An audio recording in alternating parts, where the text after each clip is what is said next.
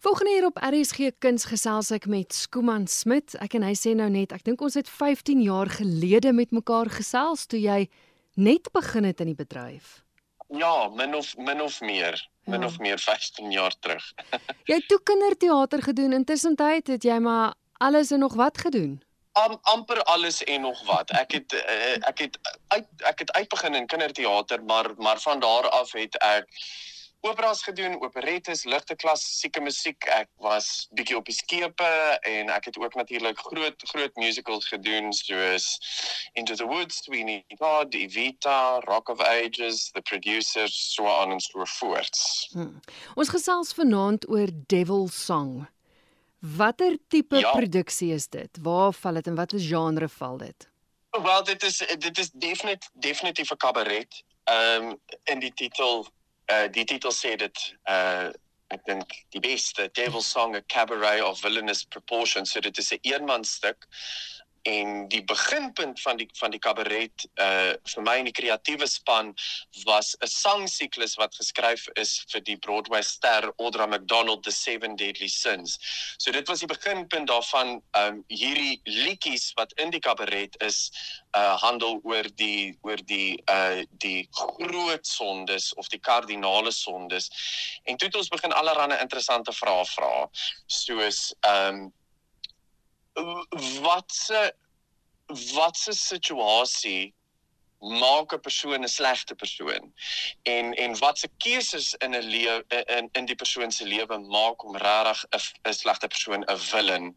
En toe wat ons gedoen het is ons ons het toe stukke uit die literatuur so uit ander toneelstukke en poesie en prosa uh het ons bymekaar gesit om om hierdie vrae soort van te probeer te probeer antwoord. So ek speel allerlei lekker bad guys. Ek wil nou nie te veel weggee nie, maar ehm um, ja, dis vet pret. Kom ons gesels gou oor die kreatiewe span. Ja, daar is verseker meer as een persoon. So die regisseur vir die kabaret is David Fick, uh wat uh 'n kuns uh onderwyser. Uh, hy hy doen meer as net onderwys, maar maar hy is 'n kunsteonderwyser hier in die Kaap en hy het oor die afgelope 20 jaar van sy loopbaan het hy regtig toegespits op op klein skaal teaterwerk. So hy het nooit regtig groter goeders gedoen as dit nie. Dit is soort van wat hy geïnteresseerd in is. Ehm um, en dan my beligtingontwerper is Tara Notkat. Mense van die Kaap sal ek dink die naam herken. Ehm um, sy is 'n Vrede Kap wenner vir vir haar werk. Ehm um, en dan my stylontwerper en my kostuumontwerper is Vidat Albertus. Dit is ook iemand wat vir baie baie jare by die ou Fugard gewerk het, maar maar het verskeie goeders gedoen.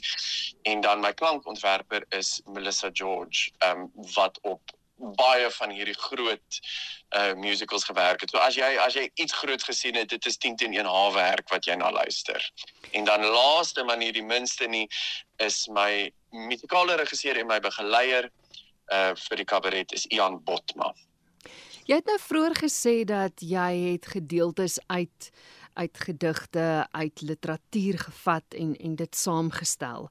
As mense dan nou kyk, het, het jy dan die teks, as mense dit nou 'n teks kan noem, geskryf of saamgestel of was dit ook die kreatiewe span wat deel was daarvan?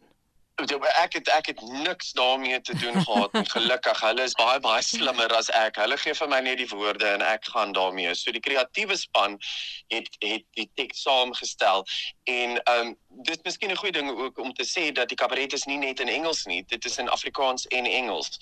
So byvoorbeeld ehm um, ek doen 'n vertaling van Hamlet se to be or not to be speech uh, in Afrikaans deur die vertaler uit te maal Hmm. wat ongelooflik mooi is. Dit is nie iets wat sommer gebeur nie. Jy weet ek sou sê die enigste persoon wat ek aan kan dink wat 10 teen 1 die guts sal hê vir so iets is iemand soos Martinus Basson. So dit is regtig lekker om dit te doen. En dan byvoorbeeld is ek ook die ek speel ook die slang uit die tuin Mm. En dit ehm um, dit doen ek ook in Afrikaans. Ek het die 1953 vertaling van die storie van die tuin van kennis van goed en kwaad gevat. Um omdat dit soos poesie klink. Ja. Dit jy weet dis 'n tipe Afrikaans wat wat ons nie gereeld meer hoor nie. En dit was regtig vir my baie mooi en is baie exciting om te doen. Hoekom moet mense kom kyk Skooman?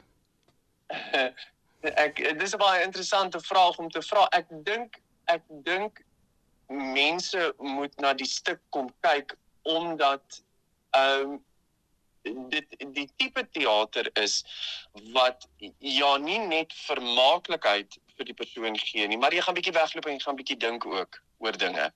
En ehm um, ek dink teater wat 'n mens laat wegloop en en bietjie net bietjie gaan dink oor goed en dit is vermaaklik is is die mees uh opwindende tipe teater om na te kyk. En dis, dit is nie net loud bangs aan die ja, einde nie. Ja. En dis tog eintlik ook die rol van kabaret, né? Dit is tog deur al die jare het ja. dit die gehoor moes laat dink of kwessies is aangespreek wat wat relevant is.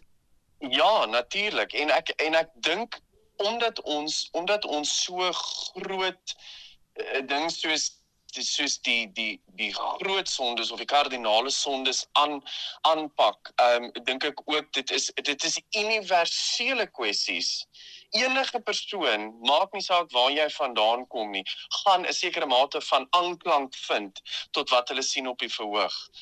Wat ons almal maak maar eintlik droog in ons lewens. Hm. Jy weet. Kom ons vertel vir die luisteraars, waar is jy te sien en wanneer?